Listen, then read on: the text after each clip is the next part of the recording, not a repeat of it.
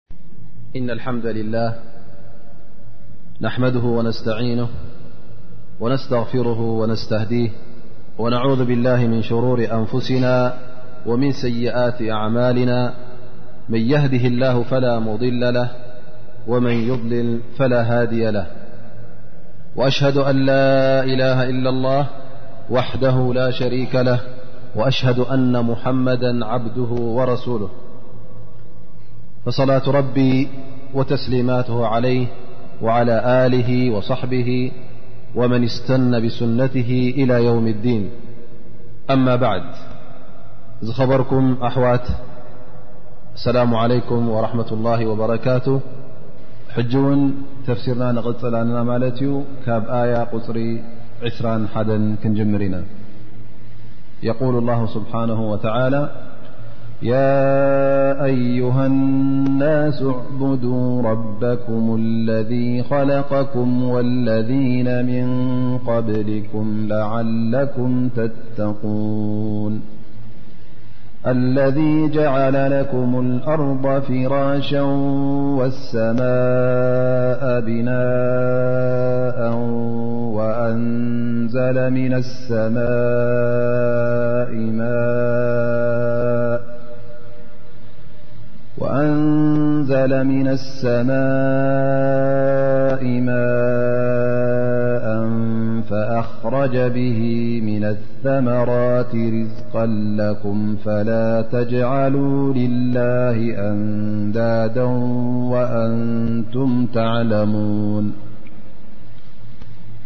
የቁል ላ ስብሓን ወተላ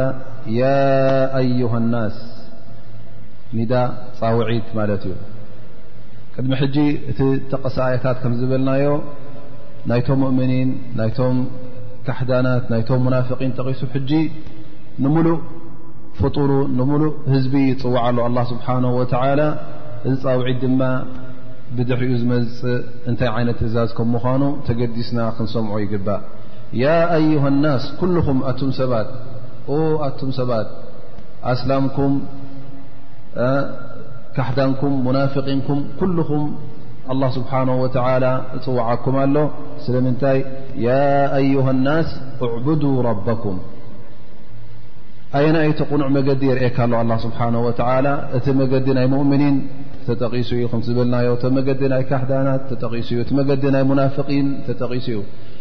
ሕጂ ድማ ኣላ ስብሓን ወተላ ብቐጥታ ትእዛዝ የመሓላልፍ ኣሎ ንዕኡ ጥራይ ክትግዝኦ ከም ዘለካ እዕቡዱ ረበኩም ንጎይታኹም ተገዝእዎ እዚ ትእዛዝ ከመሓላልፍ ከሎ ኣላ ስብሓን ወተላ እውን ነዚ ትእዛዝ እዚ ምስ በብ ዓይነቱ መርትዖታት ኣሰኒዩ ኣቕሪብዎ ኣሎ ኣላ ስብሓን ወተላ ኣላ ስብሓን ወተላ ኣዕቡዱ ረበኩም ኣለذ ኸለቀኩም እቲ ንዓኹም ዝፈጠረኩም ወለذነ ምን ቐብሊኩም ከምኡ ውን ነቶም ቅድሜኹም ዝነበሩ ዝፈጠረ ለዓለኩም ተተቁን ምእንቲ መገዲ ሓቂ ኣብ መንጎኹምን ኣብ መንጎ ቁጣይ ኣላህን መከላኸሊ ንክትገብሩ ነቲ ሓደ ጎይታኹም ጥራይ ተገዝኡ ይብል ኣብ ርእሲኡ እንደገና እውን እንታይ ይቕፅል ኣሎ እቲ መርትዖታት ይቕፅል ኣሎ ኣላ ስብሓን ወተላ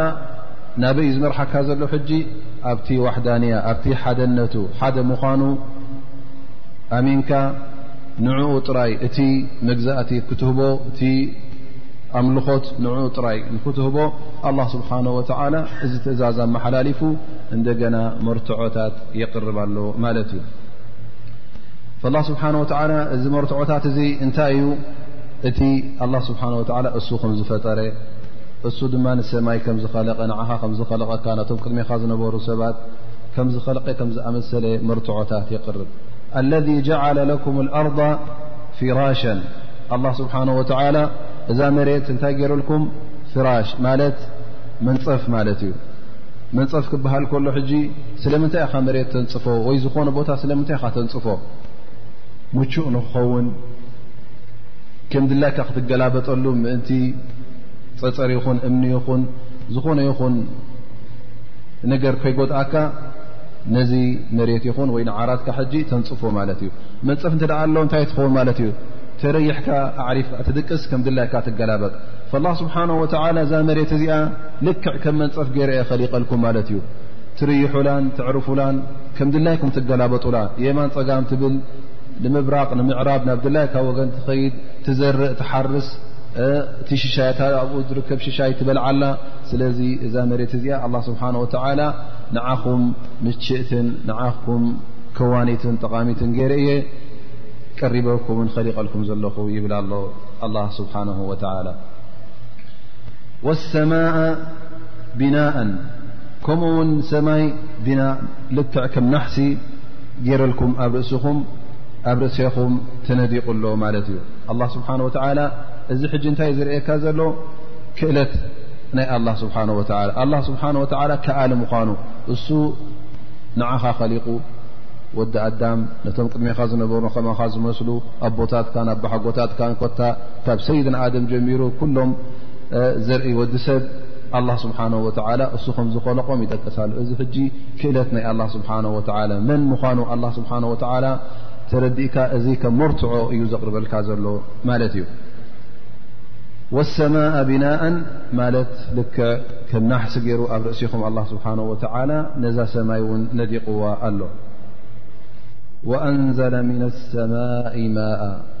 ከምኡ ውን ካብ ሰማይ ኩሉ ግዜ ሰማይ ኣብ ቁርን ክመፅእ ከሎ ሰማ ብቋንቋ ዓር ክበሃል ከሎ ላዕሊ ዝርከብ ሰማይ እዮም ዝብልዎ ማለት እዩ ስለዚ እቲ ማይ እዎ ካብ ደበና እዩ ዝወርድ ግን ላዕሊ ስለ ዘሎ ናብ ሰማይ ወገን ስለ ዘሎ ኣላ ስብሓን ወተላ ሰማይ ኢሉ ጠቂፅዎ ወኣንዘለ ምና ሰማኢ ማኣ ማይ ድማ ኣውሪድልኩም ካብ ላዕሊ ካብ ግመ እዚ ማይ እዚ ንዓኹም ኣድላይ ስለ ዝኾነ ዝኾነት ህየት እውን ብዘይ ብኡ ክትነብር ስለ ዘይትኽእል እዚ ማይ እዚ ኣላ ስብሓን ወተላ የውርደልኩም ኣሎ እዚ ማይ ድማ እስኹም ትሰትዩሉ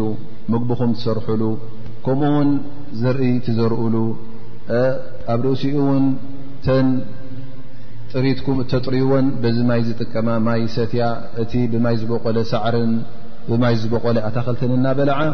እንታይ ይኸውን ሽሻይ ኣላ ስብሓን ወተላ ኣብትኩም ትረኽብዎ ፈላ ስብሓን ወተላ እዛ ኣያ እናጠቐሰ ከምኡ ውን ኣብ ካልእ ኣያታት ኣሎ ነዚ ዝመስል ኣያ የቁል ላ ስብሓን ወተላ ኣለذ ጀዓለ ለኩም ኣርض ራራ ኣይ ሙስተቀረን ኣይ ኣብኡ ትዕርፉን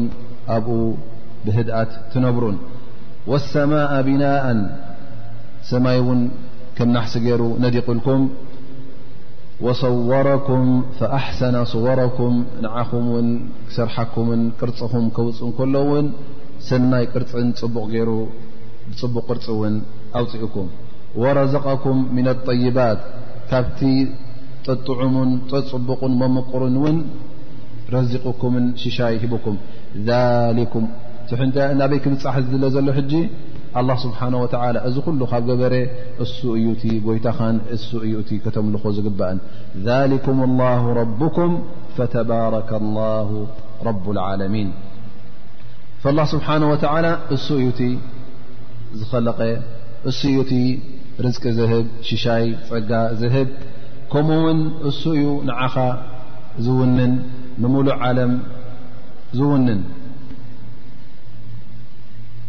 እታ እትነብረላ ዓለም ዘለኻ እቲ ኣብ ልዕሌኻ ዘሎ ሰማይን ከዋክብትን ኩሉ ኣብ ትሕቲ ቁፅፅር ኣላ ስብሓን ወተላ እዩ ስለዚ እዚ ከምዚ ዝኣመሰለ ፈጣርስ እንታይ እዩ ዝግብኦ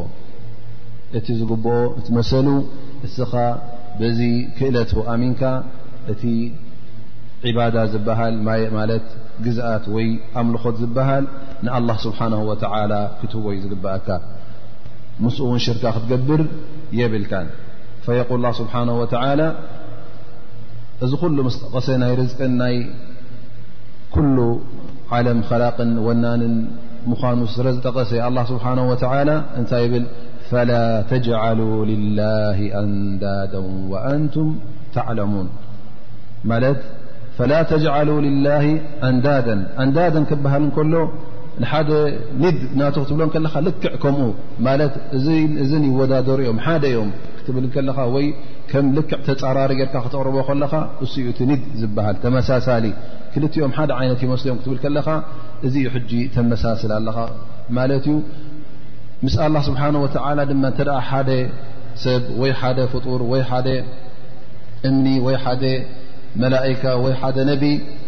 ልክዕ ከም ኣላ ስብሓን ወተዓላ ክህብን ክኸልእን ክእለት ኣለዎ ኢልካ ትቖፅሮ እንተ ደኣ ኮንካ እዚ ሕጂ ልክዕ ምስ ኣላ ስብሓን ወተዓላ ተመሳስሎ ኣለኻ ኒድ እኸውን ኣሎ ማለት እዩ ወይ ተፃራሪ ወይ ተወዳዳሪ ይኸውን ኣሎ ማለት እዩ ምናልባሽ እቲ ቀዳማይ ሽርኪ መጀመርያ ዝመፅእ ኣብ ኣእምሮ ናይ ወዲ ሰብ እንታይ ዓይነት ሽርኪ እዩ ሽርኪ ከም ምስሊ ዝኣመሰለ ምፅእካ ስእሊ ጌርካ ወይ ምስሊ ጌርካ ናይ ማርያም ኹን ናይ ኣምላኽ ዩ እትብሎ ወይ ውን ፈጣሪ ዩ እትብሎ ከም ምስሊ ኣቕሪብካ ንኡ ክትሰግድ ንኡ ቁርባን ክትህብ ከለኻ እዚ እቲ ቀዳማይ ሰብ መጀመርያ ሽርኪ ወይ ከዓ ኣብቲ ግዜ ጃህልያ ዝነበረ ውን እዚ ዩ ነሩ ሽርኪ እዚ እውን ዝገብር ኣሎ ማለት እዩ የለን ክንብል ኣይንኽእልና ምክንያቱ ክንደይ ፍጡራት ኣለዉ ኣላ ስብሓን ወተዓላ መገዲ ስለ ዘጋገዮም እቲ መገዲ ሓቂ እውን ስለ ዘይደለዩ መገዲ ሓቂ እውን ንክፈልጡ ድልት ስለ ዘይብሎም ንምስልን ንስእልን ዝሰግዱ ብዙሓት ፍጡራት ኣለዉ እዚ ሓደ ገፅ ናይ ሽርኪ እዩ ኣብ ርእሲኡ እውን ካልእ ዓይነት ሽርኪ ከም ዘሎ ግን ክትርስዕ የብልካን ምናልባሽ እዚ እውን እስኻ ብዘይ ምዕላም ማለት ታዕሊም ጎዲሉካ ኮይኑ ወይ ውን ፍልጠት ጎዲሉካ ኮይኑ ናብዚ ሽርክ እዚ ክትወድቕ ትኽእል ኢኻ ወይ ከይ ዝተባሃልካ ውን ናብ ሽርክ ክትወድቕ ትኽእል ኢኻ ንኣብነት እንተ ደኣ እቲ ናይ ብሓቂ ፍርሂ ኣብ ክንዲ ካብ ኣላ ስብሓን ወተላ ትፈርህ ካብ ሰብ ትፈርህ እተ ኮንካ እንተ ደኣ ኣብ ክንዲ ንኣላ ስብሓን ወተላ ብዝያዳ ትፈቱ ንሰብ ንማል ንገንዘብ ንሰበይትኻ እንተ ትፈቱ ኮንካ እዚ ኣበይ ክረአ ክከኣል ኣብቲ ትእዛዛት ኣላ ስብሓን ወተላ ትሪኦ እንተ ትእዛዝ ኣላ ስብሓን ወተዓላ ተኽብር እንተ ኮንካ ቀዳምነት ንውዑ ትህብ እተ ኮንካ ንኣላ ትፈርሆን ትፈትዎን ኣለኻ ማለት እዩ ግን ትእዛዝ ኣላ ስብሓን ወተዓላ ጥሒስካ እሞ ከዓ ትእዛዝ ናይ ሰበይትኻ ትእዛዝ ናይ ኣቦኻ ትእዛዝ ናይ ሓውካ ትእዛዝ ናይ ሻህዋኻ ናይ ድልየትካ ፍቕሪ ናይ ገንዘብ ሃልዩካ ነዚ እዚ እተ ዝዕብልለካ ኮይኑ እንታይ ትኸውን ኣለኻ ማለት እዩ ምስ ኣላ ስብሓን ወተላ እውን ሽርካ ትገብር ኣለኻ ማለት እዩ ስለምንታይ እዚ ሽርክ ጣዓ ናይ ምእዘዛ ሽርክ ትገብር ኣለኻ ማለት እዩ ወይ እውን እዚ ፍላን ከም ዝኣመሰለ ወይ ዚ መላእካ ወይ ዚ ነቢ ወይ ዚ ሸክ ወይ ዝወሊ ልክዕ ከም ኣላ ስብሓን ወተላ ክጠቕመንን ክጎድኣንን ይኽእል እዩ ክረዝቀንን ከይረዝቀንን ይኽእል እዩ إلك ت تأمن كين ت ربحن قدأة نفع وضر ب سب تمركس تنبر كين ون ح فت شرك يخون ملت ي وفي الصحيحين الرسول صلى الله عليه وسلم علم امسعود نرسول الله صلى الله عليه وسلم يحتوم مت يقول يا رسول الله ي الذنب أعظم عند الله ت زعب እቲ ዝገዘፈ ዘንቢ ኣብ ቅድሚ ኣላ ስብሓን ወተላ እንታይ እዩ ኢሎም ዓብዱላ ብኒ መስዑድ ንነቢና ሙሓመድ ለ ላ ለ ወሰለም ይሓትዎም ረሱል ለ ላ ለ ወሰለም እንታይ ኢሎም ይምልሱ ቃል ኣን ተጅዓላ ልላ ንዳ ወህዋ ኸለቀት ኣላ ስብሓን ወተላ ፈጢሩካ እንከሎ ምስኡ ካልኣይ ተወዳዳሪ ምስኡ ካልኣይ ተፀማሪ ሽርካ ክትገብረሉ ከለኻ ወይ ንዕኡ ተመሳሳሊ ልክዕ ከም ኣላ ስብሓን ወላ እትፈትዎን እትፈርሆን ልክዕ ከም ኣላ ስብሓን ወተላ ትእዛዙ እትቕበልን ዝኸልከለካ ትኽልከልን እተ ኣሎ ኮይኑ እስኻ ሕጂ ምስ ኣላ ስብሓን ወተላ ንድ ወይ ከዓ ሽርካ ትገብር ኣለኻ ማለት እዩ ኣነቢይ صለ ላሁ ለ ወሰለም እንታይ ኢሎም ያ ሙዓዝ ኣተድሪ ማ ሓቁ ላ ዓላ ዕባድህ መሰል ኣላህ ስብሓን ወተላ ኣብ ቅድሚ ባሮት እንታይ ምዃኑ ትፈልጥ ዶ እቲ ንኣላ ስብሓን ወላ ክወሃብ ዝግበኦ መሰል ወይ ጉቡእ እንታይ ምዃኑ ትፈልጦ ዶ ኢሎም ነቢና ሙሓመድ ለ ላ ለ ወሰለም ንሙዓዝ ብን ጀበል ይሓትዎም ማለት እዩ ፈየል ረሱል ስ ላ ሰለም ኣን ያዕቡዱ ወላ ዩሽርኩ ብ ሸይን እቲ ቐንዲ መሰል ንኣላ ስብሓን ወላ ክትቦ ዘለካ እዚ መሰል እዚ ክተጉድሎ ዘይ ፍቀደካ እንታይ እዩ ንላ ስብሓን ወተላ ንዕኡ ንበይኑ ክትግዝኦን ንዕኡ ድማ ካልእ ሽርካን ካልእ ተሓዋስን ተመሳሳልን ከይተእትወሉ ካብቲ ገለገለ ጌጋታት ንኣብነት ከይፈለጥካዮም ብጌጋ ትብሎ ወይ ከዓ ናይ መልሓስ ጌጋ ዝርከብ ሓደ ካብቲ ዘይፍለጥ ሽርክ ዝኾነ ውን ነቢና ሙሓመድ ለ ላ ለ ወሰለም ኣብ ገለገለ ሓዲ ጠቂሶምዎ እዮም የል ረሱል ሰለም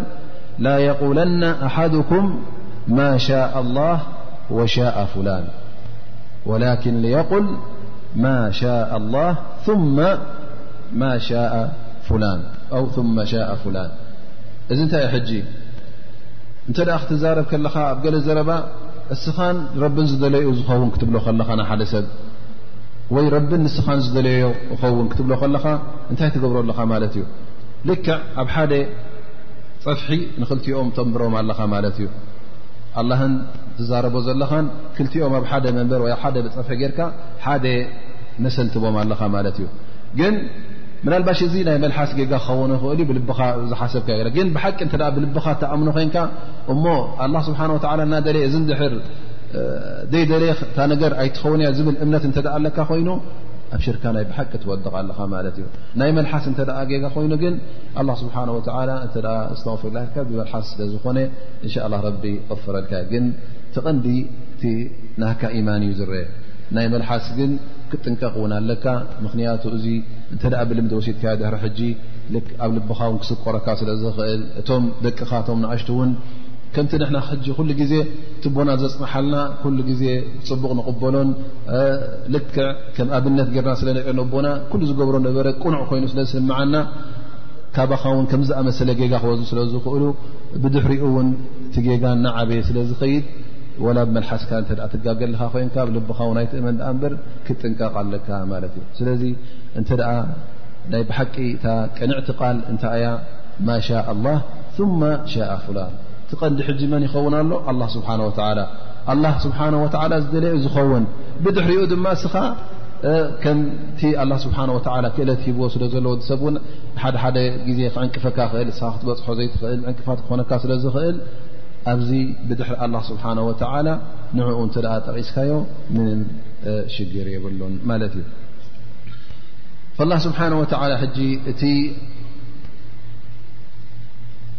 ባርነት ማለት እስኻ ባሪኡ ምዃንካ ክትኣምንን እቲ ኣምልኾት ንኣላ ስብሓን ወተዓላ ክትህቦ ከም ዝግብኣካ እናጠቐሶ ከሎ ኣላ ስብሓን ወተዓላ ትእዛዝ ሂቡ ስቕ ምበለ ነይሩ ግን ብዝያዳ ፅባሕ ንግሆ ኣይተረዳኣንን ፅባሕ ንግሆ ገለ መርትዖ ይረኸብኩን ንኸይትብል ንዓ ኣታወዲ ሰብ ኢሉ በዚ ኣብ ዓይንኻ ትሪኦ ዘለኻ እንሀልካ ዝሰማያትን እንሀልካ ዝመሬት እንሀልካ ዝኸዋኽብቲ እነትልካ ዛነብስኻ እንሀልካ ዞም ቅድሜኻ ዝነበሩ ዝሓለፉ ዝሞቱ ኢሉ እቶም ቅድሚኻ ተፈጠሩ እነህልካ ዝሽሻያት ንጎ ንጎ ትሪኦ ዘለኻ እዛ መሬት ተብቅሎ ዘላ እናበለ ከም መርትዖ የቕርበልካ ኣሎ እዚ እውን ሓደ ካብቲ ናይ ኣላ ስብሓን ወተላ ፅልዋታት ኣብ መሬት ዝርአ ስለ ዝኾነ ንዕኡ ርኢኻ ኣሰር ናይ ኣላ ስብሓን ወተላ ኣብቲ ፍጡሩ ስለ ትርኢ ዘለኻ ኣላ ከም ዘሎን እዚ ኩሉ ክእለት ከም ዘለውን ስለ ዘፍልጠካ ብኡ ናበይ ትመሓላለፍ ማለት እዩ ናብቲ ተውሒድ ኡሉህያ ማለት ንኣላ ስብሓን ወተላ ሓደ ምዃኑ ሓደ ኣዕራቢ ማለት ሓደ ገና ኣብ በዱ ዝቕመጥ ማለት እዩ ሓደ በዱ ወይ ከዓ ተብዞም ሰብክሳግም ይሓትዎ ማለት እዩ እንታይ ኣሎ መርትዖ ኣላ ስብሓን ወተላ ከም ዘሎስ እንታይ መርትዖ ኣለካ ኢሎም ይሓትዎ ማለት እዩ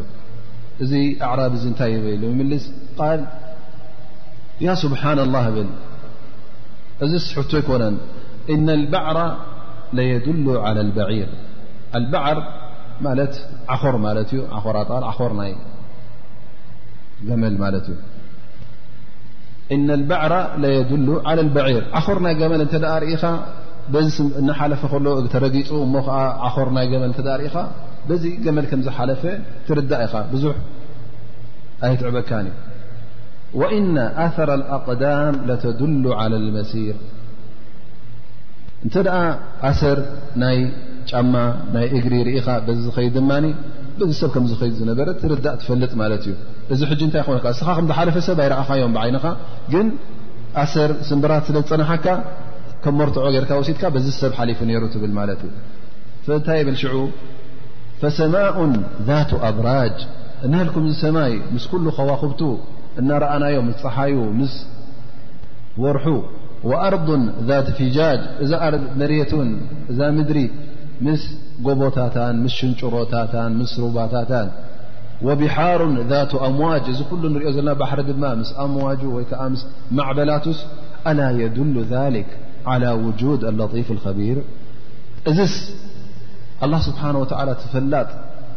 እቲ ኣዝዩ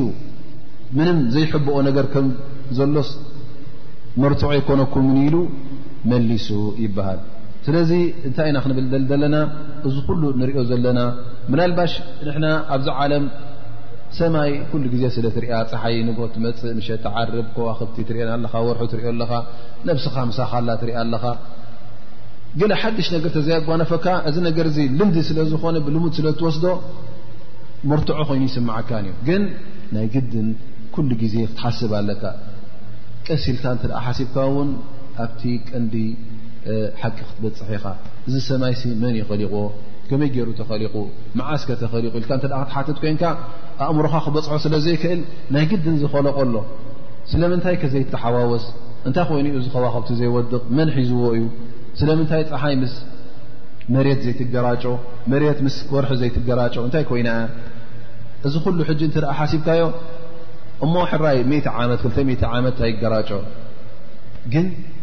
ሽሕ ዓመት ኣሽሓት ዓመት ትግበር ኣሎ እሞ ስለምንታይ ዘይገራጮ እንታይ ደኣ ይኮይኑ ናይ ግድን ነናቱ መንገዲ ኣለዎ ማለት እዩ መሬት ኣእምሮ የብላን ፀሓይ ኣእምሮ የብላን ከም ሰብ ማለት ንየማን ፀጋ ሰብ እኳ ማኪና እናዘወረ ኮይትከሎ ዝገራጮ ምስ ካልእ በዓል ማኪና ምስ ኣእምሮኻ ከለኻ ሰብ ውን ወላ ብእግሩ እናኸደ ከሎ ውን ብዙሒ ሰብ እተ ኮይኑ ይገራጮ ዩ ኣእምሮ ከለዎ ዓይኒ ከለዎ ይጋርጮ ይተሃራረም እዩ እሞ እዚ ኩሉ ንሪኦ ዘለና ሰማይ መሬት ከዋክብቲ በሸሓት ዝቁፅራ ብመላይን ዝቁፅር ከዋክብቲ እዚ እዛ መሬት እዚ ኩሉ ፍጡር እናረኣናዮ ከለናስ እንታይ ኮይኑ ዩ ዘይገራጮካ እተ ክትሓስብ ጀሚርካ እዚ ኩሉ እንታይ እዩ ከም መርትዖ ኮይኑ ይቐርበካ ማለት እዩ ስለዚ እዚ እቲ ካሕዳን ወይ ሙልሕድ ኣረሜናዊ ሰብ እንተ ኣሎ ኮይኑ በዚ እውን ክርዳእ ይግብኦ እዩ ثመ የقል ላ ስብሓን ወተላ ነዚ ኩሉ ምስ ጠቐሰ እዚ ኩሉ መርትዖታት ምስ ጠቐሰ ናይ ግድን ክንኣምን ከም ዘለና ብሓደነቱን እቲ ኣምልኾትና ውን ንዑ ክንበኹም ዝግብኣና ምስ ጠቐሰ ናበይ ከይዱ ናብቲ ናይ እምነት ናይ ሪሳለት ነቢ ማለት መልእኽቲ ከም ዝለኣኸን እዚ መልእኽቲ እዚ ድማ ብነቢ ሙሓመድ ስለ ላ ሰለ ዝመፀን ክንክተሎ ከም ዘለና ናብኡ ይሰግር ማለት እዩ ሕና ከምቲ ኩላና ንፈልጦ ካብቲ ቀንድታት እስልምና ካብቲ ዓንድታት ናይ ኢማን ሓደ ወዲ ሰብ ኣን የሽሃድ ኣላ ኢላ ኢለ ላ ኣና ሙሓመድ ረሱሉ ላ እቲ ኣልኢማን ብላ ስብሓን ወተላ እሱ እቲ ቀንድታት ናይ ኢማን ቲካልኣይ እውን ብነቢ ሙሓመድ ለ ላ ለ ወሰለም ክኣምን ከም ዘለዎ ብክታብ ካب الله سبحنه وتعلى ዝورد قدم حج ነበረ يኹن بنبናا محمد صى الله عليه وسلم مና آመن ك ዘለዎ كلهن نፈلጦ ኢن فالله سبحنه وتعلى ታ ل أዛ حر ي يقول الله سبحنه وتعالى وإن كنتم في غيب مما نزلنا على عبدنا فأتوا بصورة من مثله وادعوا شهداءكم من دون الله إن كنتم صادقين فإن لم تفعلوا ولم تفعلوا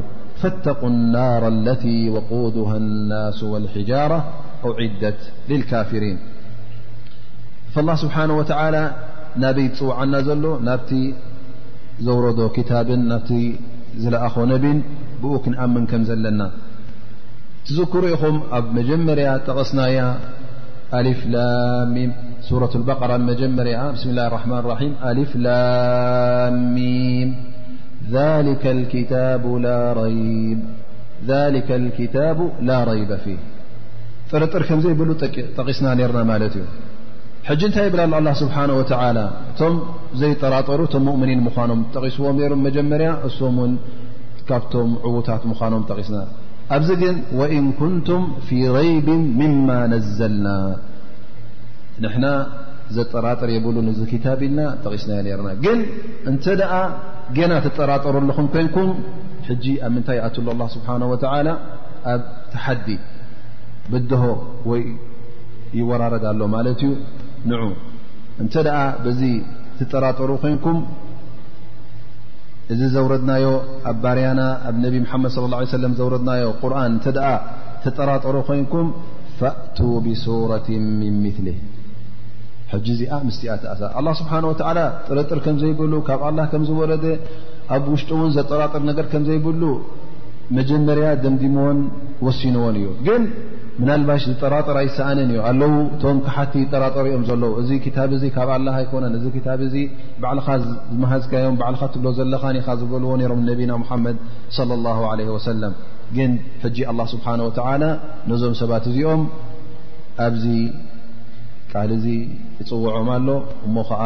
ብድሆ ይብሎም ኣሎ ማለት እዩ ወእን ኩንቱም ፊ ረይብ ምማ ነዘልና ዓላ ዓብድና ማለት ዓላ ሙሓመድ صለ ላ ለ ወሰለም ነቢና ሙሓመድ صለ ላ ለ ወሰለም ኣላ ዝፅውዖ ከሎ ዓላ ዓብድና እቲ ባርያ ኢሉ ፀዊዕዎ እዚ ድማ ነቢና ሙሓመድ ለ ላ ለ ሰለም ባርያ ክብሎ ከሎ እንታይ ማለት እዩ እቲ ዝለዓለን እቲ ክብ ዝበለ መዓርግን ባርያ ኣላ ስብሓን ወተላ ክትከውን ከለኻ እያ ባርያ ሰብ ዘይኮነስ ባርያ መን ባርያ ጎይታኻ ባርያ ኣላ ስብሓን ወተላ ክትከውን ከለኻ እዚ ንዓኻ ዓብ ክብርን ዓብ መዓርግን እዩ ምኽንያቱ እቶ ዝበለፀ ፍጡር መን እዩ ካብ ነቢና ሙሓመድ ለ ላ ለ ወሰለም ዝበለፅ ፍጡር ኣሎ ሙሉእ ህዝቢ ዓለም እቶም ቅድሚ ሕጂ ዝነበሩን እቶም ብድሕሪ ሕጂ ዝመፁን ካብ ነቢና ሙሓመድ صለ ላه ለ ወሰለም ዝበልፅ ኣይክርከብን እዩ ዝኾነ ሰብ ካብ ነቢና ሙሓመድ صለ ላه ሰለም ኣይክበልፅን እዩ ነዚ ነቢ እዚ ኣላ ስብሓን ወተላ እንታይ ኢሉ ፀዊዕዎ ዓብድና ባርያና እዚ ሕጂ ዓብዪ መዓርግ እዩ ባርያ ኣላ ስብሓን ወተላ ክትከውን ከለኻ ንዓኻ ስንፈትን ጉድለትን ኣይኮነን ዔብ ኣይኮነን እንታይ ደኣ ብዝያዳ ንዓኻ ክብርን ልዑልነትን እዩ ዝበካ እዚ ካብ ኮነ ድማ ካልኣይ እንታይ የረድእካ ኣሎ እቲ ዝለዓለን እቲ ማለት እቲ ቀዳማይ ባርያ ናይ ኣላ ስብሓን ወተላ ከመን እዩ ነቢና ሙሓመድ ለ ላ ለ ሰለም እሕና እውን ኣሰሮም ተኸትልና ባርያ ኣላ ስብሓን ወተላ ክንከውን ንዓና ዘኽብረናን ካባና ዝጥለብን ዝሕተትን እዩ ላ ስብሓን ወተላ ንነቢና በዚ ስም እዚ ፀዊዕዎም ብድሕሪኡ ፈእቱ ብሱረት ማለት ከምቲ ነቢ ሙሓመድ صለ ላه ለ ሰለም ዘምፅኦ እንተ ደኣ እዚ ነገር እዚ ሸክ ኣለኩም ወይ ከዓ ጥርጥር ኣለኩም ኮይኑ ንዑ ነዚ ቁርን ዝመስል ኣምፅኡ ብዝደለኹሞ ውን ሓገዝ ካብ ዝደለኹሞ ፍጡር እውን ጥለቡ ብዝደለኹሞ ሰብ ብዝደለኹሞ ጋኒን ይኹን ሰብ ይኹን ብዝደለኹሞ ወገን እውን ሓገዝ ሕተቱ ድላይኩም ኢሉ ኣላ ስብሓን ወተላ ኣብ ብድሆ ይኣቱ ኣሎ ወይ ከዓ ኣብ ውርዲ ይኣቱ ኣሎ ማለት እዩ ወድዑ ሹሃዳእኩም ሹሃዳእኩም ማለት ብብዙሕ ዓይነት ፈሲሮማ ኩለን ውን ዘጠቓል ክኸውን ይኽእል እዩ ወድዑ ሹሃዳእኩም ማለት እቶም ዝሕግዙኹም ወይ ከዓ እቶም ተሓጋገዝ ክሕግዙኹም ኢኹም እትብልዎም ፀውዕዎም እዞም ዝሕግዙኹም ከምቲ ዝበልናዮ ሰብ ይኹኑ ኦም ይኹኑ ፀውዕዎም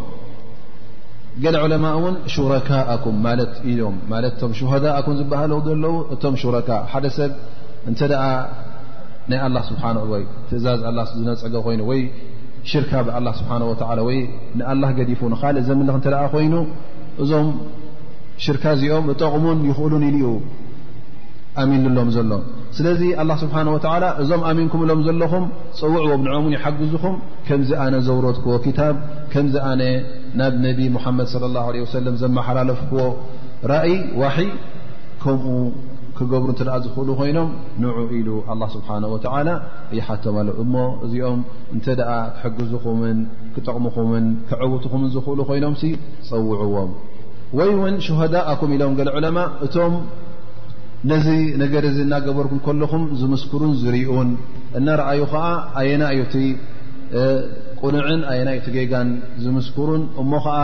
እቲ ትገብሩ ስኹም ሰምፃእኩም እውን ንዕኦም ኣርእዎም ኣየና እዩ እቲ እዚ ቃል እዚ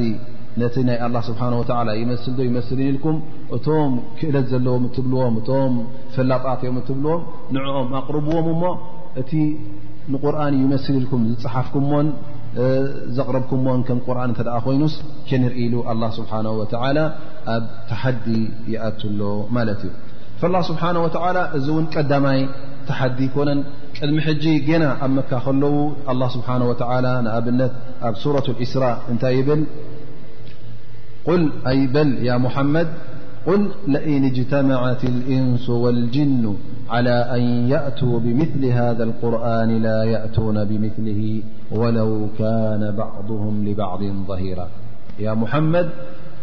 ነዞም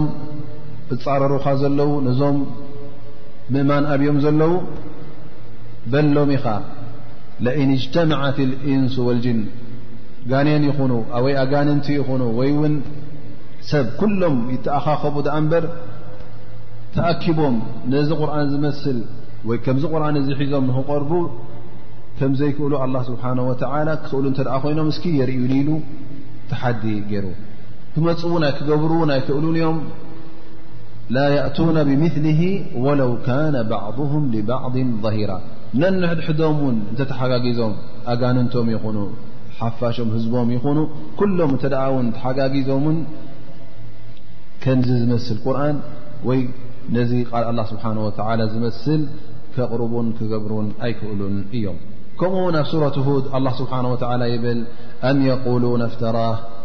ቁል ፈእቱ ብዓሽሪ ስወር ምሊሂ ሙፍተረያት ወድዑ መን እስተጣዕቱም ምን ዱን ላ እን ኩንቱም ሳድቂን እዚኦም ስ እንታይ እዮም ዝብሉ ዘለዉ እዞም ሙሽርኪን ኣም የቁሉ ነፍተራ ባዕሉ ዩ ምሂዝዎ ባዕሉ ዩ ብሓሶት ዝብሎ ዘሎ ድኦም ዝብሉ ዘለዉ እሞ እንተ ከምዝ ኮይኑስ እስኪ ዓሰርተ ሱራ የቕርቡ ከምዚ ኣላ ስብሓን ወላ ኣውሪድዎ ዘሎ ስወር ናይ ቁርኣንሲ እስከ ዓሰርተ ሱራ የውርዱ ኢሉ እውን ኣብ ሱረትሁ ጠቂሱ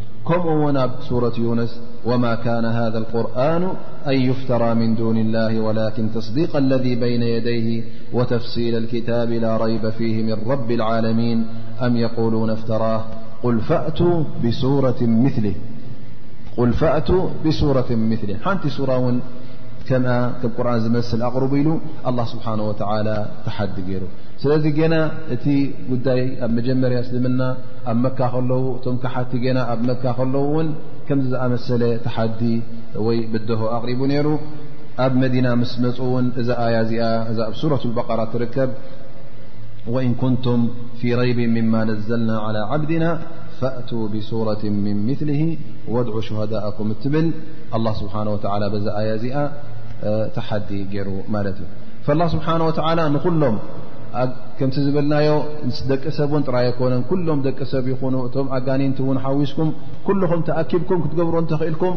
ተሓጋጊዝኩም እስኪ ቅርብዎ በበይንኹም ክትገብርዎ እተኽእልኩም ውን እስከ ኣቕርቡ ኢሉ ኣላ ስብሓን ወተዓላ በዲህዎም እዩ ግን ከምዚ ዝመስል ቁርን ከም ዘየቕርቡ እውን ጠቒሱ ነይሩ ኣብቲ ግዜ ነቢና ሙሓመድ ለ ላ ለ ወሰለም ውን እቶም ክእለት ናይ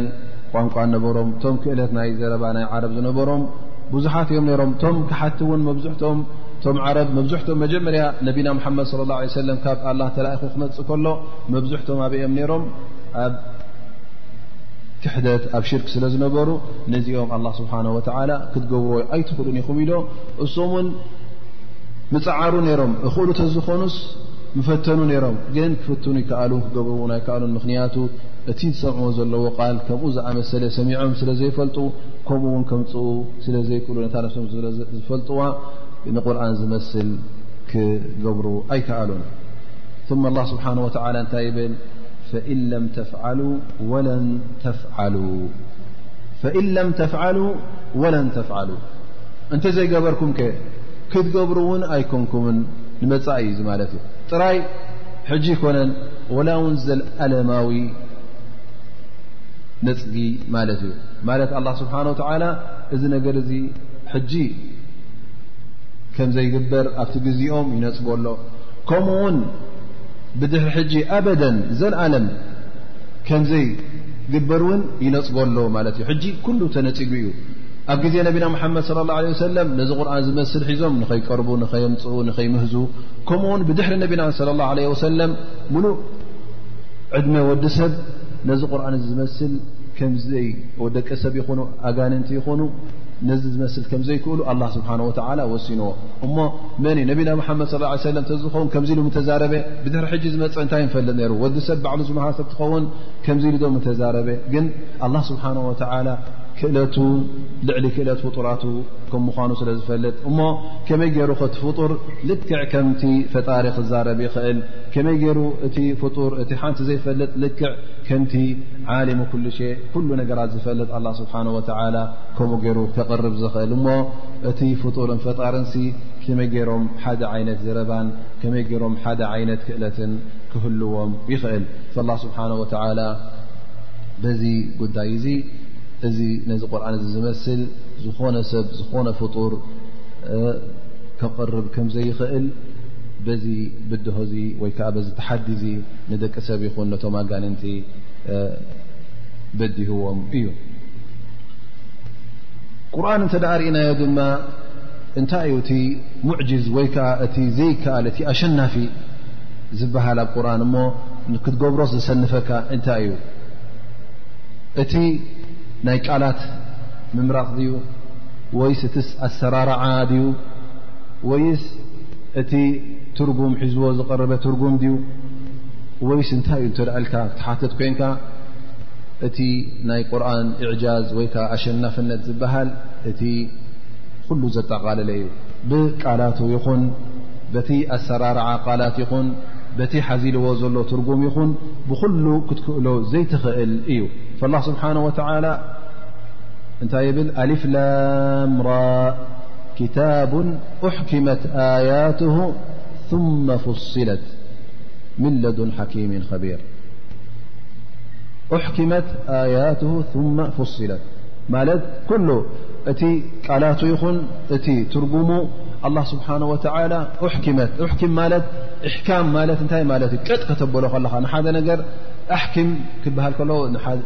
እሰሮ ቐጥ ኣቢልካ እሰሮ ማለት እዩ ላ ስብሓን ወላ ነዚ ኣያታት ናቱ ቐጥ ዝበለ ክንቕነቕ ዘይከኣል ከምኡ ከተምፅእ ዘይትኽእል ምዃንካ እዩ ፍስለት መዓኒ እቲ ትርጉሙ እውን ተተንቲኑን ተዘርዚሩን እዩ ኣብ ርእሲኡ እውን እዚ ቁርን ሒዝዎ ዝመፅእ እቲ ናይ ቃላትን ናይ ኣሰራርዓ ቃልን ናይ ትርጉምን ትዝሓዞ ዓብ ትርጉሙን ኣይኮነን እንታይ ደኣ ብዛዕባ እቲ ዝሓለፈ ታሪክ ብዛዕባ እቲ ዝሓለፈ ናይ ቀደም እንታይ ከምተረክበን ከመይ ከም ትረኽበን ኣላ ስብሓን ወተዓላ ኣብ ቁርን ኣንቢሩልናን ኣብሪሁልናን እዩ ከምኡ ውን ኣብ ርእሲኡ ብድሕሪ ሕጂ ዝመፅእ እውን ምልክታት ሂቡና ዮም ቅያማ ከምዘሎ ኣራ ከምዘሎ ጀና ከምዘሎ ኩላህና ሞትና ውን ፅባሕ ንግ ኣብ ቅድሚ ኣላ ስብሓን ወተላ ክንቀርብ እዚ እውን ጠቂሱልና ዩ እሞ እዚስ መን እዩ ዝፈልጦ ከምዚ ዓይነት እዚ መን እዩ ክቕርብ ዘኽእል ፅባሕ ንግ ኣይኮነ ንስኻ ድሕሪ ሰከን ድሕሪ ደቂቕ ትርከብ እውን ኣይክትፈልጥን ኢኻ ከምኡ ውን ኣላ ስብሓን ወተላ እቲ ኩሉ ሰሰናዩ ዘበለ ነገር ንክንገብሮ ኣዚዙና ካብ ኩሉ እከይ ዘበለ ነገር እውን ኣጠንቂቑና ንወዲ ሰብ ጠቓሚ ዝኾነ ነገር ሂብዎ ንወዲ ሰብ ዝጎድእን ዘይረብሐን ነገር ድማ ካብኡ ከልኪሉካ እዚ እንታይ ማለት እዩ ኣላ ስብሓን ወተላ እቲ ኣብ ክታብ ቁርን ኣስፊርዎ ዘሎስ ዝኾነ ሰብ ክገብሮ ዘይክእልን ዝኾነ ሰብ እውን ክፍፅሞን ከቕርቦን ዘይክእልን ምዃኑ ይጠቅስ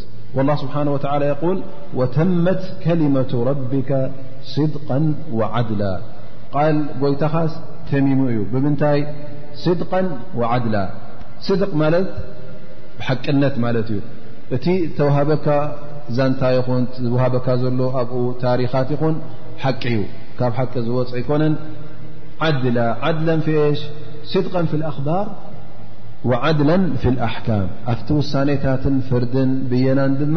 እንታይ እዩ ፍትሐኛ እዩ ኣላ ስብሓን ወተዓላ ኩሉ ትእዛዛት ኩሉ ውሳኔታት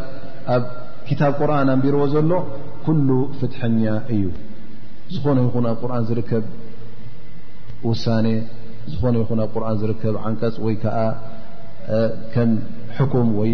ሕጊ ዝቐርብ ፍትሓዊ ምዃኑ ክትኣምን ኣለካ ዝኾነ ይኹን ኣብዚ ግዜ ምናልባሽ ብዛዕባ ናይ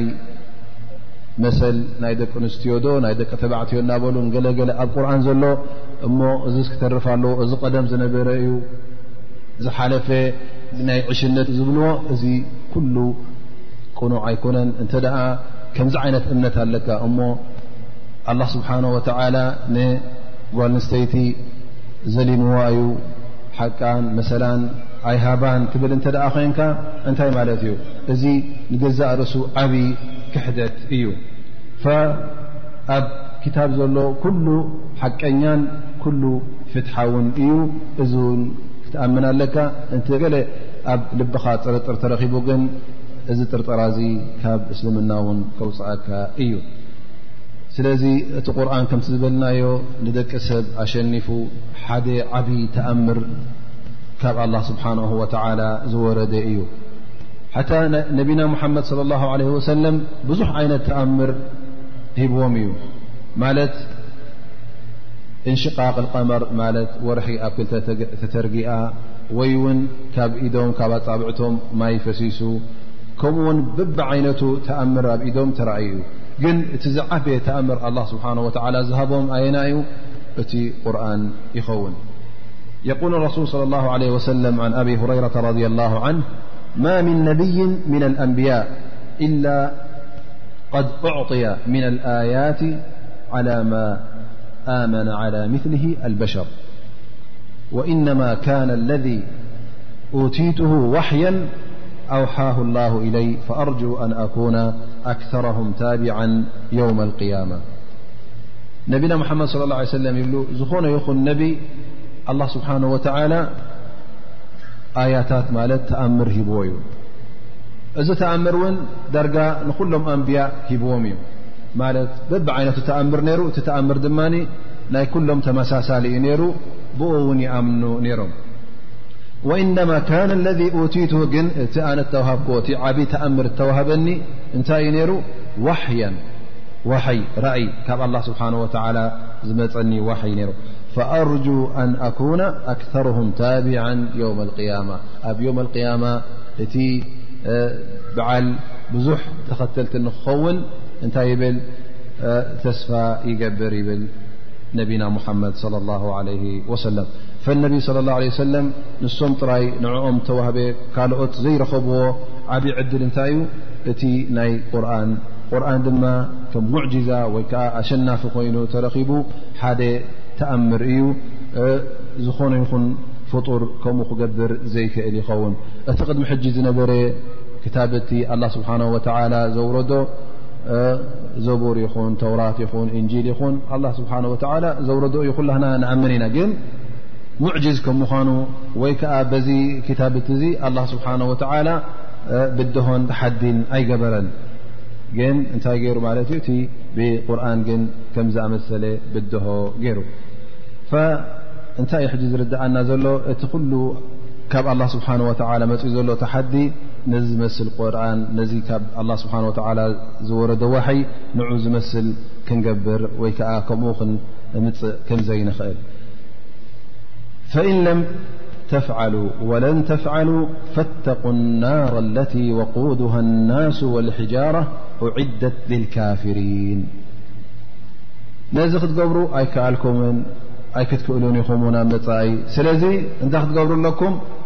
ፈተቁ ናራ ተጠንቀቑ ነታ ትመፅእ ዘላ ሓዊ ጀሃንም ካብኣ ፍርሁ እሳ ኸዓ እንታይ እያ ወቁዱሃ ናሱ ወልሒጃራ እቲ ነዳዲኣ እቲ ንዓ ዘቃፅል እቲ ንዓ ብዝያዳ ዘባርዕ ብምንታይ እያ ትባራዕ ጀሃንም ብሰባትን ብእእማንን ልክዕ ነዳዲ ክንብል ከለና ሕጂ እንታይ እዩ ንኣብነት ንሓዊ ዝያዳ ከተብ ንድዶን ቃልቃል ከተብሎ እተ ሪኻ እንታይ ካ ትገብሮ ወይ ዕንጨይቲ ትውስኸሉ ወይ በንዚን ተፍስሰሉ ላምባ ተፍስሰሉ እዚ ሕጂ ነዳዲ ኩለማ ወሰኽካሉ እንታይ ይኸውን ማለት እዩ እቲ ሓዊ ይብርትዕ ላ ስብሓን ወተላ እዛ ሓዊ ጀሃንም እንታይ ኣይብል እቲ ዝቃፀል ልክዕ ከም ዕንጨይትን ነዳድን ኮይኑ ዝቃፀል እንታይ እዩ ሰብን ኣእማንን እዩ ሰብ ድማ ኩሉማ ሰብ ተወሲኹዋ እንደገና እናበርትዐትን እናተቓፀለትን ትኸይድ ኣላ ማለት እዩ እቲ ዝቃፀል ድማ እስኻ ሓጠባ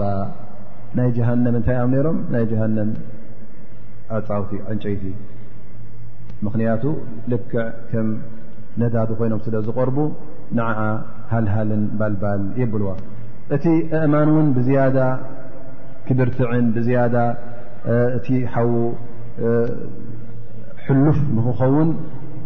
ገለ ዕለማ ክፍስርዎ ከለዉ ጸሊም እምኒ ካብ ክብሪት ተሓወሶ ትሪር ጨናዊ እምኒ ኢሎም ይጠቕስዎ ማለት እዩ ግን እዚ ተፍሲር እዚ ወይ ከዓ ዝርእቶ እዚ እጅትሃድ እዩ ዳኣ እምበር ገሊኦም ዕለማ እውን ይብሉ እቲ እእማን ዝተባህለ ብዛኣያ እቲ ከም ምስሊን ስእልን ኮይኖም ሽረካ ኣብ ክንዲ ኣላ ንኦም ከም ሽርካ ገይሮም ዝሰግድሎም ዝነበሩ ብእማን ተሰርሑ ምስልታት እሶም እዮም ኣብቲ ጀሃንም ስለ ዝድርበዩ ልክዕ ንዓ መጉሃሪን ቃልቃል መበልን ይኾኑ ኣን ላ ስብሓ ወላ የል እነኩም ወማ ተዕቡዱነ ምን ዱን ላ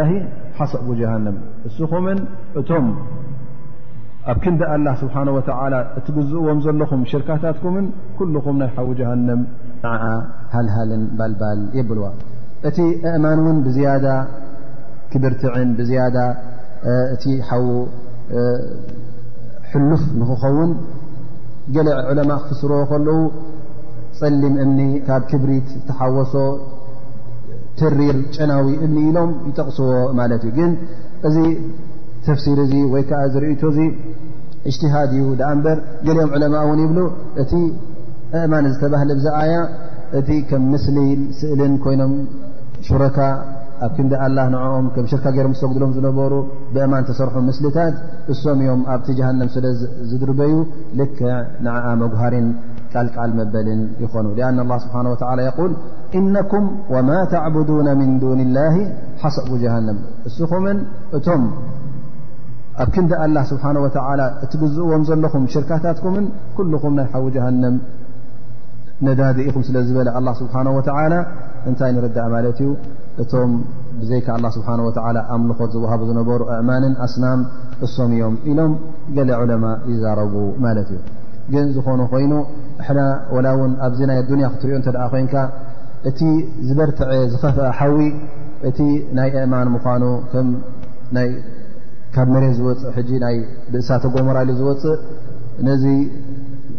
እእማን እቲ እእማን ፈሊሑስ ከም ማይ ክፈስስ ኢኻ ትሪኦ ማለት እዩ ሕጂ እቲ ዝበርትዐ ሓዊ ኣብዛ ዱንያ እንተረእናያ እውን ናይ እምኒ ካብ እምኒ ዝወፅእ ፈሓም ኣሎ እሱ ዝበርትዐን ወይ እውን ካብ እሳተ ጎሞራ ተባሂሉ ዝወፅእ እእማን ክፈልሕ እንከሎ ክትሪኦ ከለኻ እዚ ሕጂ እቲ ዝበርትዐ እሞ እዚ ኣብ ኣዱንያ ዝርከብ እንተ ደኣ ኮይኑስ እቲ ናይ ዮም ቅያማ ሓዊ ጀሃንም እሳተ ጀሃንም ሲ ክሳዕ ክንደይ ብርቱዕን ኣዝዩ ኣሳቓይን ኣቐንዛውን ምዃኑ እዚ ርኢኹም ፈተቁ ናራ ነዛ ሓዊ እዚኣ ፍርህዋ ነዛ ሓዊ እዚኣ መከላኸሊ ግበሩላ እዛ ሓዊ እዚኣ ኣብ መንጎኻን ኣብ መንጎኣን መከላኸሊ ትገብሮ እንታይ እዩ ነቲ ኣላ ስብሓን ወተላ ዝኣዘዘካ ምእዘዛ ትምእዘዝ ነቲ ዝኸልከለካ ክትክልከል ነቢና ሙሓመድ ለ ላ ለ ሰለም ዝሓበረካ መገዲ ሒዝካ ክትከይድ ከለኻ ኣብ መንጎኻን ኣብ መንጎዛ ሓውን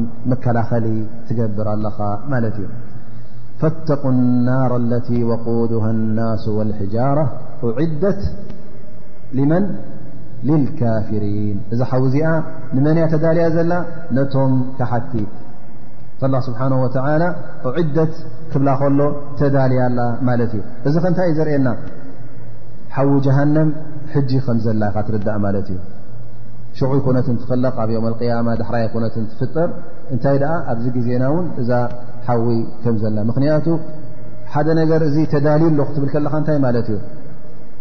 ከም ዝዳልየልካ ኣ ክትብ ከለካ ሓደ እንታይ እዩ ገና ከይመፀ ከሎ ተዳልዩ ኣሎ ማት እዩ ከይበፅሐ ከሎ ማለት ዮም ያማ ቶም ካሓቲ ከይኣተዋ ከለዉ ተዳልያ ኣላ ማለት እዩ እሞ ኣብዚ ግዜና እዚ ሓዊ ጀሃንም ኣላ ማለት እዩ እዚ እውን ኣህሊ ሱና ኣእመት ኣህሊ ሱና ዝብልዎ እዩ ኩላህና እውን ክንኣምነሉ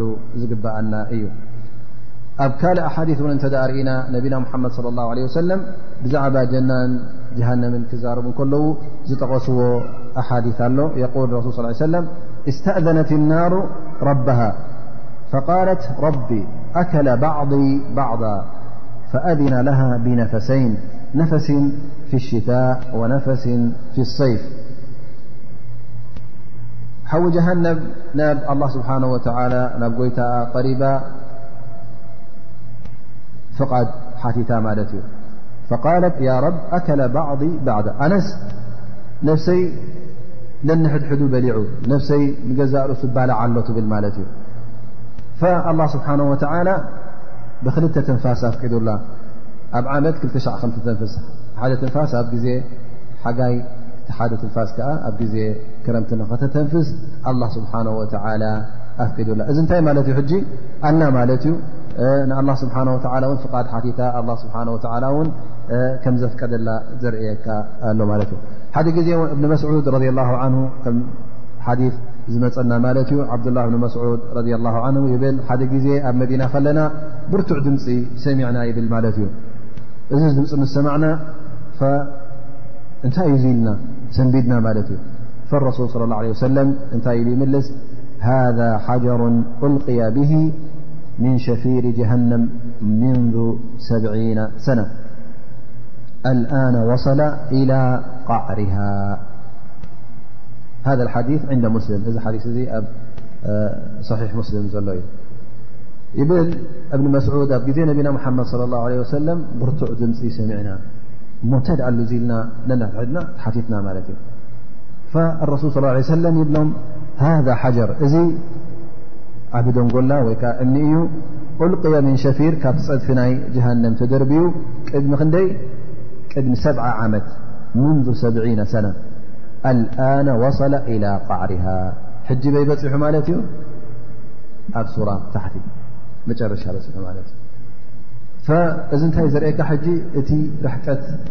ናይ ጀሃንም ጉድጓድ ክሳዕ ክንደይ ምዃኑ እዚ እውን ክገርመካ የብሉን ሕጂ እቶም ተመራሚሮም ክዛረቡ እንተ ርኢኻ እብልኻ ኣብ መንጎ መሬትን ኣብ መንጎ እንታይ ዓይነት ኮኾብን ክንዲዙ ሚልዮን ዓመት ኣሎ ርሕቀት ወይ ክንዲዙ ኣሽሓት ዓመት ይርከብ እቲ ኣላ ስብሓን ወተዓላ ከሊቕዎ ዘሎ ኣዝዩ ዓቢ ዝኾነ ፍጡር እዩ እዛ ጀሃነብ ሕጂ ክንምታይ ክትከውን እያ እዚ ሕጂ ጥራይ ትሪኦ ዘለኻ በዚ ፈላጣት ወይ ከዓ እዞም ተመራመርቲ ዝብሉ ክትሪኦም ከለኻ ርሕቀት ካብ መንጎ ሰማይን ኣብ መንጎ መሬትን ዘሎ ርሕቀት ኣብ መንጎ ፀሓይን ኣብ መንጎ መሬትን ዘሎ እንተ ርኢኻ ቀሊል ኣይኮነን ፈላ ስብሓን ወተዓላ ነዚ ከም ዝኣመሰለ ሓዊ ጀሃነብ ክኸልቕሲ ክገርመካን ከስደመመካን የብሉን ባዕዳ ሃ ኣያ የቁል ላ ስብሓን ወተላ ሕጂ እቶም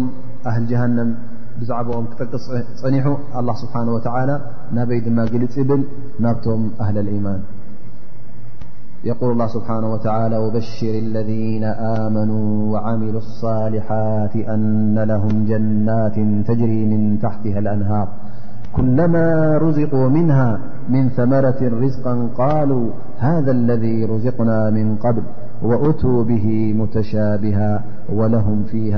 ኣዝዋጅ ሙጠሃራ ወሁም ፊሃ ኻሊዱን ኣላ ስብሓን ወተዓላ ሕጂ እቶም ሰብ ጀሃንም እንታይ ኦም መን እዮም እንታይ ከም ዝገበሩ ጠቒሱ ናበይ ግልፅ ኢሉ ናብቶም ኣህል ልኢማን ፈላ ስብሓን ወተላ ነቢና ሙሓመድ ለ ላሁ ለ ወሰለም ነቶም ካሓቲ እንታይ ዓይነት ብድሆ ከቕርበሎም ከም ዘለዎ ጠቂሱ እንደገና ሕጂ ናብቶም ኣህል ልኢማን እንታይ ዘቕርበሎም ብድህር ዩ ዘቕርበሎም ኣይኮነን እንታይ ደኣ ብስራት ወበሽር ለذና ኣበስሮም ለذና ኣመኑ ያ ሙሓመድ ኣንታ ሙሓመድ ነዞም ሙእምኒን ነቶም ዝኣመኑን ሰናይ ግብሪ ዝገበሩን ሲ ኣበስሮም ብምንታይ የበስሮም ኣነ ለሁም ጀናቱ ተጅሪ ምን ታሕትሃ ኣንሃር ላ ስብሓነ ወተላ ነቶም ብኡሳት ነቶም ቅርሱሳት ዘዳለዎ ናብራ ጀሃነብ ጠቒሱ ነቶም ሰብ ሰናይ ግብሪ እቶም ዝፈትዎም ባሮቱ እቶም ትእዛዛት ዝምእዘዙ ነበሩ ኣበይ ከም ዝኣትዉን እንታይ ከም ዘለዎምን የበስሮም ኣሎ ማለት እዩ ወበሽር ለذነ ኣመኑ ወዓሚሉ ኣብዚኣ ኣያ ሕጂ ቀዳማይ ነገር እቶም ዝብሰሩ መን እዮም ተጠቒሶም ኣለዉ እቲ ኣበሳሪኸ መን ምዃኑ ተጠቒሱ ኣሎ እቲ ናብዚ ብስራት እዚ ዘብፅሓካ እንታይ ምዃኑ ተጠቒሱ ኣሎ ብምንታይ ከተበስሮም ወይ ከዓ ብምንታይ ከበስሮም ከም ዘለዎ ከውን ኣላ ስብሓን ወተላ ጠቒስዎ እቲ ኣበሳሪ መን እዩ እቲ ኣበሳሪ ነቢና ሙሓመድ ለ ላ ለ ወሰለም እቶም ዝብሰሩ ዘለዉ ኸ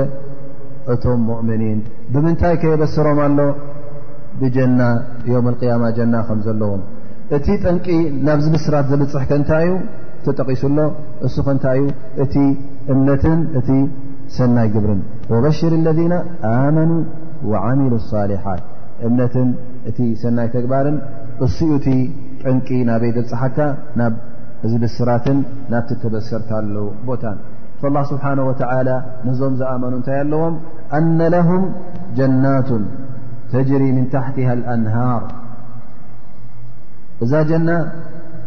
ጀና ክበሃል ከሎ ወይ ገነት ክበሃል ከሎ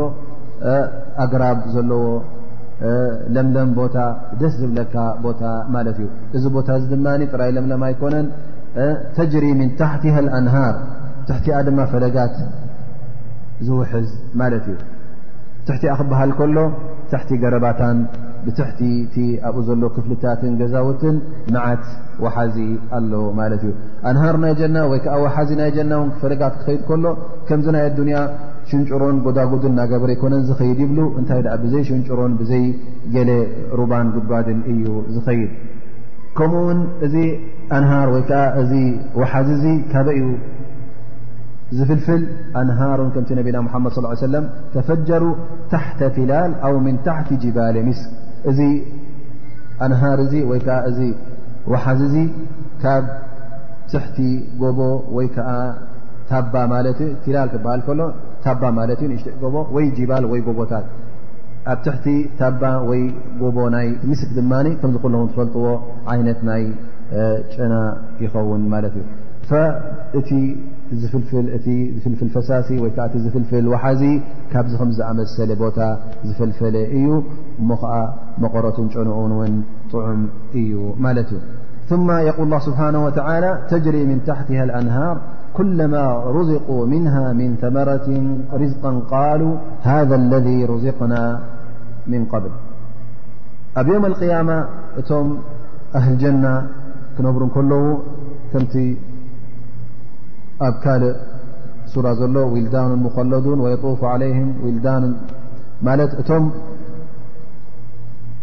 ፍርያት ይኹን እቲ ፍሩታት ይኹን እቲ ዝብላዕ ነገር ዘምፅእሎም መን እዮም እቶም ዝዞሩ መን እዮም ንኣሽቱ ኮተቴ እሶም እዮም ዝዞሩ ፈዚኦም እንታይ ይገብሩ እዚኦም ሕጂ ነዚ ፍርያት ሒዞም ክመፁ ከለዉ መጀመርያ የምፅሎም ይበልዑ እንደገና የምፅሎም ውን እንታይ እዚ ኣ ቅድሚ ሕጂ ዝበላዕናዮ እንዲና እዚ ቅድሚ ሕጂ ዝመፀና ሽሻይ እንዩ ኩለማ ርዝቁ ምንሃ ምን ተመረት ሪዝቃ ቃሉ ሃذ ለذ ሩዝቅና ምን ብል እዚ ቅድሚ ሕጂ ዝበላዕና ይብሉ ግን እንታይ ይብልዎም እዚ መልክዑ ሓደ የምሰልኩም ድኣ እምበር ግን ጠዓምዎ ረኣይዎ ኣየናይ ፍልልያ ኣሎ ደስ የለን ይብሎም እሞ እንተ ረኣይዎ ካልእ ኮይኑ ይፀንሖም ማለት እዩ እዚ እውን እንታይ ማለት እዩ እቶም ሙእምኒን ብዝያዳ ክድሰቱን ከምዚ ሙፋጅኣ ኸውን ማለት እዩ ማለት ሕጂ እስኻ ንመልክዑ ኩሉ ሓደ እናረእኻዮ ከለኻ ንኣብነት ሕጂ እተ ከም ትፋሕ ትሪኦ ከለኻ ተረእኻዮ ተጣዕምካዮ ጣዕሚ ናይ ኣራንሽ ፀንሓካ ማለት እዩ ግን መልክዕ ሓደ ተረእኻዮ ሓደ ድማ ካልእ ኮይኑ እንታይ ሕጂ ኸውን ማለት እዩ ስኻ ብዓይንኻ ክትፈልጦ ይእል እንታይ ደኣ ክትጥዕሞን ክትበልዖ እዚኣ እንታይ ትኸውን እናበልካ ክትበልዕን ክድሰትን ዝቐርብ ማለት እዩ እቲ ክትሪኦ ከለኻ ናይ መልክዑን ሕብሩን ሓደ ኮይኑ ስምዓካ ግን እቲ መቐረት ዝተፈላለየ እዩ ገለ ዕለማ ግን ወእቱ ብሂ ሙተሻብሀን ድማ ይብሉ ኣብ ኣዱንያ እንከለዉ ኣብ ኣዱንያ ፍሩት ኣሎ ማለት እዩ ኣላ ስብሓን ወተዓላ እውን በዚ ብዙሕ ዓይነት ፍርያት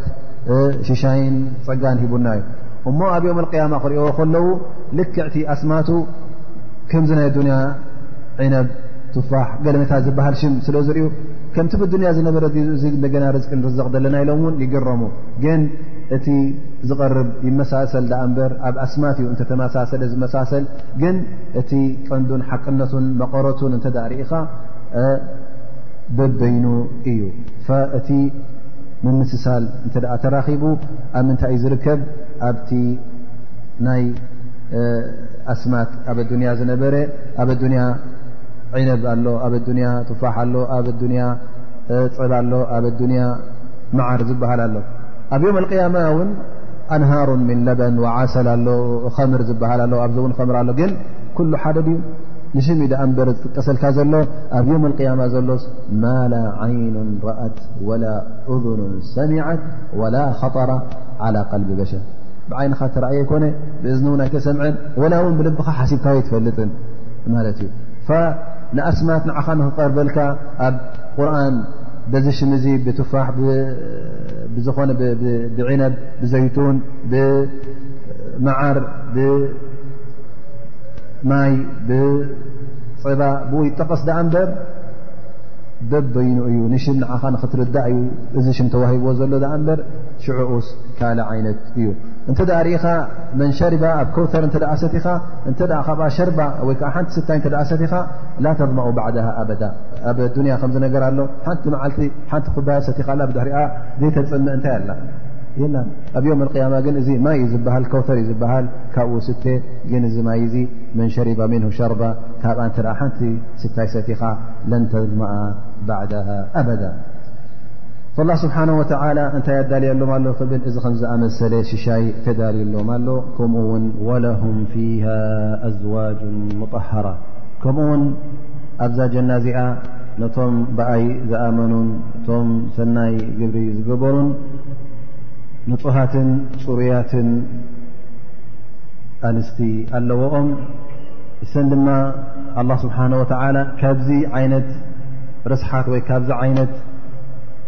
እከይ እየን ነፅሀን ኣይበለን እንታይ ደኣ ብሓፈሽኡ ወኣዝዋጁን ሙጣሃራ ንፁሃት ኣንስቲ ኣለዎኦም ኢሉ ማለት እዩ እዚ እንታይ ሕጂ ዘርእየና እቲ ንፅህና ናተን ሙሉእ ዘይጉዱል ምዃኑ እቲ ንፅህና ካብ ናይ ርስሓት ዓይነት ፀረያ ማለት እዩ ዝኾነ ይኹን ኣብቲ ኣዱንያ ወድ ሰብ መቸም ካብ ሰውነቱ ዝወፅእ ብዙሕ ዓይነት ርስሓት ኣሎ ካብዚ ርስሓታት እዚ ንፁሃት እየን ፅግያት ዝበሃል ናይ ሕርሲ ዝበሃል ናይ ካልእ ነገር በፍንጫኻ ይኹን ብኣፍካ ዝወፅእ ዝኾነ ይኹን ዓይነት ርስሓት ከምዚ ዝኣመሰለ ከም ረሃፅ ዝኣመሰለ እዚ ርስሓታት እዚ የብለንን ካብዚ ዝነፅሃን ንፁሃት እየን ከምኡ ውን ኣብቲ ፈጣጥረአን ንፁሃት እየን ከምኡ ውን ኣብቲ ዘራርበአን ን ሕማቕ ዘረባ ይወፀንን ዩ ንፁሃት እየን ኣብ ኩሉ ኮታ ናይ ስውነትን ናይ ጠባይን ናይ ኩሉ ጉዳያተን ንፁሃት እየን ይብል ኣሎ ማለት እዩ ኣላ ስብሓን ወላ ስለዚ እዚአን ውን ንዓኻ ከም ብልጫ ኮይነን ኣታ ኣብ ዮም ቅያማ ኣታ ሙእምን ኣታ መገዲ ሓቂ ዝሓዝካ ኣብ ዮም ቅያማ እዚ ተዳርዩልካ ኣሎ እዚ እውን ንግዜኡ ኣይኮነን ንሰዓታት ኣይኮነን ንዓመታት ኣይኮነን እዚ ኩሉ ራህዋን ሽሻይን እዚ ኩሉ ሰናይ ኣነባብራ እዚ ኩሉ ፍስሃ ውን ንውሱን መዓልትታት ኣይኮነን እንታይ ደኣ ኣላ ስብሓን ወተላ ወሁም ፊሃ ኻሊዱን እሶምሲ ኣብኣ ንዘለኣለም እዮም ዝነብሩ ኣልክሉድ ማዕና ዘለኣለማዊ ናብራ እዩ ዝኾነ ይኹን ናብ ህወት እንተ ብሞት ዝቁረፅ እንተ ንውሱን መዓልቲ ኮይኑ ዝኾነ ይኹን ሽሻይ ሙሉእ ኣይኮነን ማለት እዩ ግን ናይ ዮም ያማ ሽሻይ ሙሉእ ንክኸውን እንታይ ኮይኑ ዘለኣለማዊ ፈተማም ፊ ክሉድ እቲ ሙሉእነትን እቲ እኹልነቱን ኣብ ምንታይ ኮይኑ ኣብቲ ናይ ዘለኣለማዊ ዘይቁረፅ ደስታ ዘይቁረፅ ራህዋ መፈፀምታን መደምደምታ መጨረሻ ዘይብሉ ራህዋ ይጅምር ዳኣ እምበር መጨረሻ የብሉን እዚ ኩሉ ደስታን እዚ ኩሉ ጥዑም ናብራን እዚ ኩሉ ሽሻይንሲ ከየቋረፀ ክነብር እዩ ንምሉእ ንዘለኣለም ማለት እዩ ስለዚ እስኻስ ካብቶም ዘለኣለማዊ ምስርጣይን ዘለኣለማዊ ስቓይን ንኽትከውን ዲኻ ትመርፅ እዚ ክታብ እዚ መን እዩ ኣውሪድዎ ብሓቂ ካብ ኣላ ስብሓን ወተዓላ ዝወረዶ ድዩ ወይስ ገለ ሓውሲ ናይ ሰብ ሓውሲ ኣለዎ ትብል ዲኻ ወይስ ብሓቂ በዚ ክታብ እዚ ከይጠረጠራጠርኩ ይኣምን እየ እዚ ክታብ እዚ ቅኑዕ ኢልካ ትኣምን ዘጠራጥር የብሉን ኩሉ ውሳኔታቱ ኩሉ ፍርዱን ኩሉ ትእዛዛቱን ይኣምነሉ እየ ኣብ ግብርን እውን ከውዕሎ ዝኽእል ብዝከኣለኒ መጠን ከውዕሎ ኢልካ ትቐርብ ኢኻ ወይስ ካብቶም ዝጠራጠሩን ወይስ ካብቶም እዚ ቁርን እዚ እዚ ክታብ እዚ ገለገለ ኣለዎ ምዚ ግዜና ዘይሰማማዕ ኣብ ዘለናዮ ግዜ ክኸይድ ዘይክእል ትብል እተ ኮንካ ካብኦም ኣብቶም ኣህሊ ናር ትኸውን ኣለኻ ማለት እዩ ግን እንተ ናይ ብሓቂ እምነት ኣለካ ኮይኑ ናይ ብሓቂ እዚ ክታብ እዚ ካብ ኣላ ስብሓን ወተላ ከም ዝወረደ ተኣም ኮንካ ኣላ ውን ፍትሓኛ ንሰብ ብዝኾነ ይኹን ሰብ መሰሉ ዘይግህስ መሰሉ ዝህብ ምዃኑ ኣሚንካ ኩሉ ኣብዚ ቁርን እዚ ዝመፀ ውሳንን ፍርድን ብየናን ፍትሓዊ ምዃኑ ኣሚንካ እሽልካ ክትቕበሎ ከለኻ ካብቶም ኣህልል ጀና ካብቶም መገዲ ሓቂ ዝሓዙ ትኸውን ማለት እዩ